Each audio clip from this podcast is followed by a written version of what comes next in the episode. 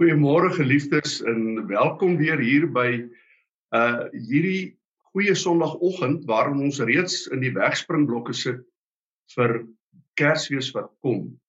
Voordat ons nou gaan kyk na wat die Bybel oor Kersfees sê, kom ons buig ons hoofde en vra ons dat die Here ook hierdie boodskap vanoggend vir elkeen van ons tot seën sal maak. Kom ons buig ons hoofde. Sê Hemelse Vader, baie dankie vir u liefde wat u ook in Kersfees vir ons kom wys het. Dankie dat ons daaruit kan leef en dankie vir u woord waaruit ons oor hierdie Kersfees kan leer. Seën ons vanoggend en wil u gee dat die verkondiging van u woord tot seën vir elkeen van ons sal wees. Amen. Nou geliefdes, Kersfees is 'n vrolike tyd.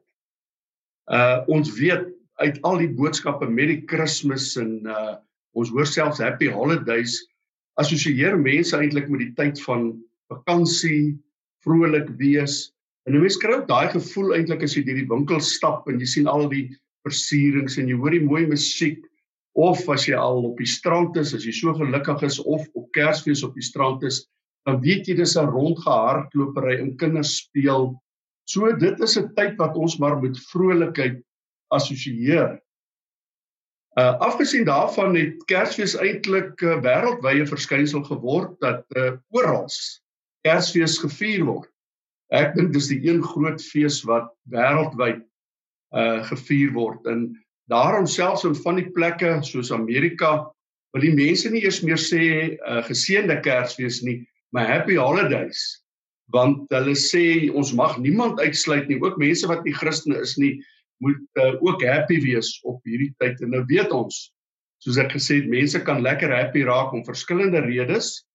En uh, party mense sê mense het uh, tweemaal 'n uh, 'n gelukkige Kersfees. En die eenmal is as jou familie aankom want dit is gewoonlik 'n familiefees uh en die tweede maal is as jou familie weggaan. Nou uh toe ek 'n kind was onthou ek dat hierdie vrolikheid my beet gepak het. Ek onthou dat ek in my bed gelê het en ek kon gewoonlik baie vas slaap. Maar daai aand voor Kersfees het ek 3, 4 maal wakker geword in in die uh kussingsloop wat langs my bed gelê het waar Kersvader nou sy persente sou insit dat ek daarin geloer het om te kyk of hy nog nie daar was nie. En dan natuurlik as ons opstaan, is ons kerk toe en as ons terugkom dan het ons gespeel in te kere gegaan in ons nuwe persente uitgetoets. En uh, dit was 'n lekker tyd. En vandag nog kry ek daai gevoel. Toe ons gister ons huis bietjie opmaak vir uh, ons familieete vandag, toe dink ek weer terug en kry weer daai gevoel van vrolikheid. Maar jy weet soos 'n mens ouer word, verander 'n mens ook. En begin jy bietjie nadink. En ek begin nadink, maar waarom is Kersfees so vrolik? Wat presies het gebeur. En as ek nou luister na preke en wat mense sê, dan sê hulle nee, maar dis omdat Jesus jou gered het. En dis waar sekerlik. Maar wat maak dan 'n uh, geseënde Kersfees of soos die Engelse sê Merry Christmas anders van Paasfees? Want op Paasfees vier ons tog ook Jesus wat ons gered het. Moet ons nie dan ook sê Merry Paasfees nie? En dit het my laat dink. Wat presies sê Kersfees vir ons? En daarom het ek gegaan na die woord van die Here toe, die basis wat ons het om vir ons te laat verstaan wat God in ons lewens is en wil doen. En daar kry ons op twee plekke beskrywings van die Kersverhaal. Die een plek is natuurlik Lukas en die ander plek Matteus. En Lukas en Matteus gebruik die eerste twee hoofstukke van hulle evangelies om vir ons Kersfees te beskryf. Maar weet julle as 'n mens hierdie twee verhale lees, dan verskil dit soos dag by nag. Dis twee totaal vreemde uh, of verskillende verhale. As ons net een sou gehad het, sou ons Kersfees waarskynlik heeltemal anders gevier het. Maar kom ons gaan kyk dan nou. Eers na die verhaal van Lukas. En nou is die interessante as 'n mens die verhaal van Lukas lees, dan loop Lukas na alle kante toe oor van vreugde en blydskap.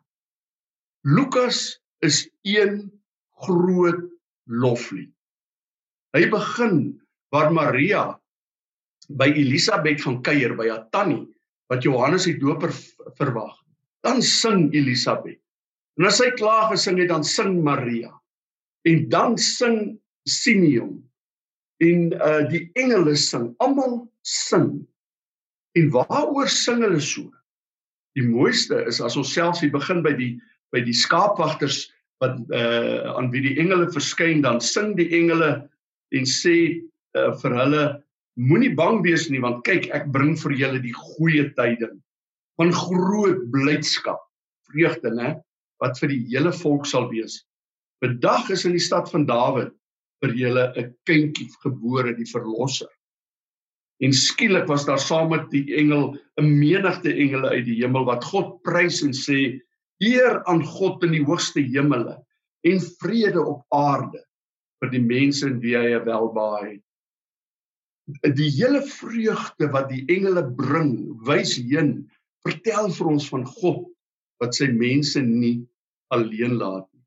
Nou geliefdes, dis 'n baie goeie rede om bly te wees. En as ons na die ander liedere kyk dan dan sing Sagaria. Dit is nou Johannes die Doper se pa, dan sing hy, dan sê hy ek is so bly God het sy verbond gehou. Hy het sy beloftes nagekom. Kyk, hy kom red ons. Hy bring lig in hierdie wêreld. En oor hierdie lig skry hy sing hy dan soos die môre son sal hy opstaan en uit die hoogte uit afdaal.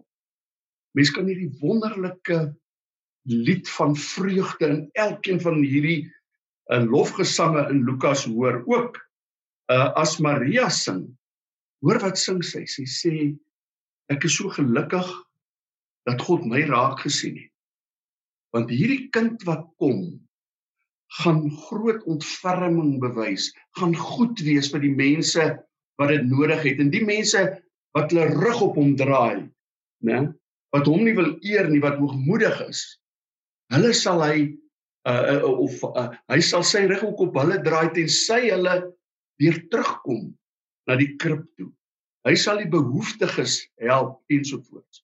So ons hoor waarom Kersfees so 'n wonderlike tyd is. Dis 'n tyd waarin mense nader aan God kom en besef God het hulle verander. God het hierdie wêreld kom verander. Niks kan ooit weer dieselfde wees nie. Maar daar is 'n dowwe noot in hierdie hele verhaal. Tussen al hierdie vreugde en uh die vertel van hoe God ons kom red het, kom Simeon die ou man daar by die tempel en hy sê kyk hierdie kindjie is bestem tot 'n val en 'n opstanding van baie in Israel tot die teken wat weerspieël sal word. So sal die gesindheid van baie mense aan die lig kom. Jesus het ook gekom om tussen mense te onderskei en wat jou betref 'n swaard sal deur jou siel gaan. Skielik hoor ons van pyn, van swaar kry, van 'n swaard wat deur Maria se siel gaan. En dit bring ons dan by Matteus. As ons Matteus lees, is dit 'n totaal ander verhaal.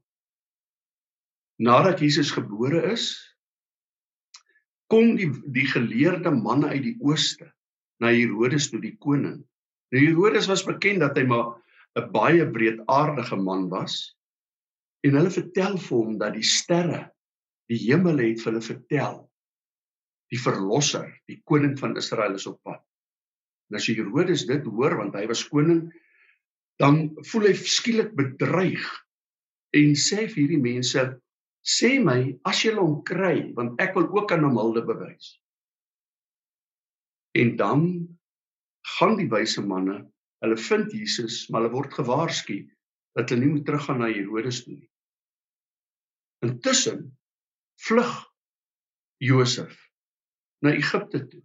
En daar in Egipte bly hulle en intussen maak Herodes 200 of meer kindertjies dood in die omgewing om te keer dat Jesus koning word. En nadat Herodes dood is, nooi die engele hulle weer terug na Jerusalem toe of eintlik Bethlehem toe. Maar hulle wou nie gaan nie. Hulle is bo na Nasaret toe want Herodes se seun wat net so wreedaardig was, was toe nog koning. So wat het ons hier? Ons het eintlik bedrog. Herodes wat jok wat slinkse planne beraam. Eintlik iemand op sy beste as dit by die verkeerde dinge kom. Hy gaan moorkinders uit. Jesus moet vlug. Hy kan nie eers weer teruggaan na sy geboortedorp toe nie omdat hy daar ook doodgemaak sal word. 'n Verhaal van moord, bedrog, leuns.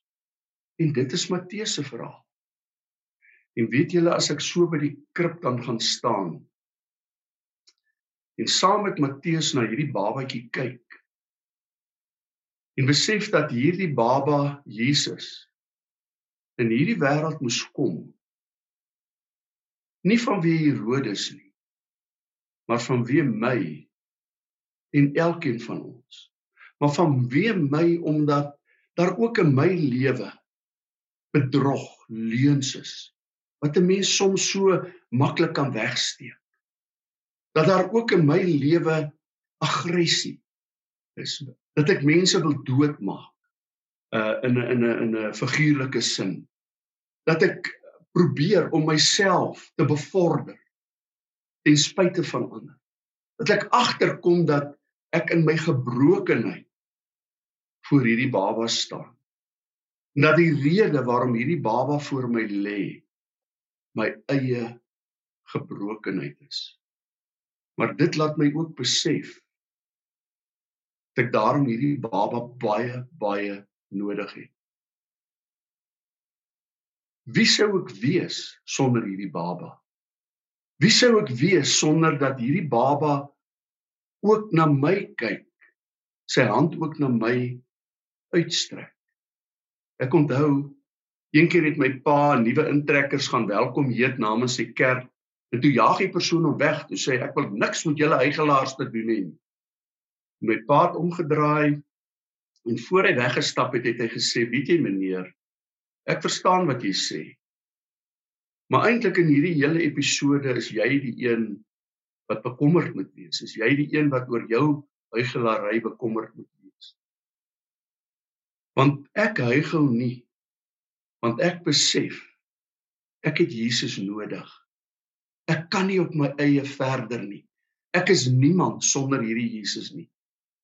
En as ek in my gebrokenheid deur hierdie wêreld stap, dan gaan staan ek by die krib en besef hierdie Jesus het ook vir my gekom. Ek kan ook voor hom kniel. Ek kan ook soos die wyse manne min vir hom gee, maar 'n bietjie aardse goed. Maar wat ek wel vir hom kan gee is my lewe. My lewe in sy hand lê. En dit is ook wat Matteus eintlik sê. Want in elkeen van hierdie verhale as Herodes oneerlik is, dan kom God en hy waarsku die uh, geleerde manne. As 'n uh, eh, Josef hulle in Bethlehem sit, kom waarsku God hulle en sê Herodes kom, hy kom julle doodmaak, dan vlug hulle na Egipte. So kom God telkens in die verhaal van Matteus na vore as die een wat sy mense beskerm, wat betrokke is by sy mense. En geliefdes, dit maak my bly. Dit maak my bly vir 'n kind soos Jesus in die krib. Dat in hierdie verhaal God in my lewe betrokke raak. Dat ek in my gebrokenheid telkens deur God gedra word.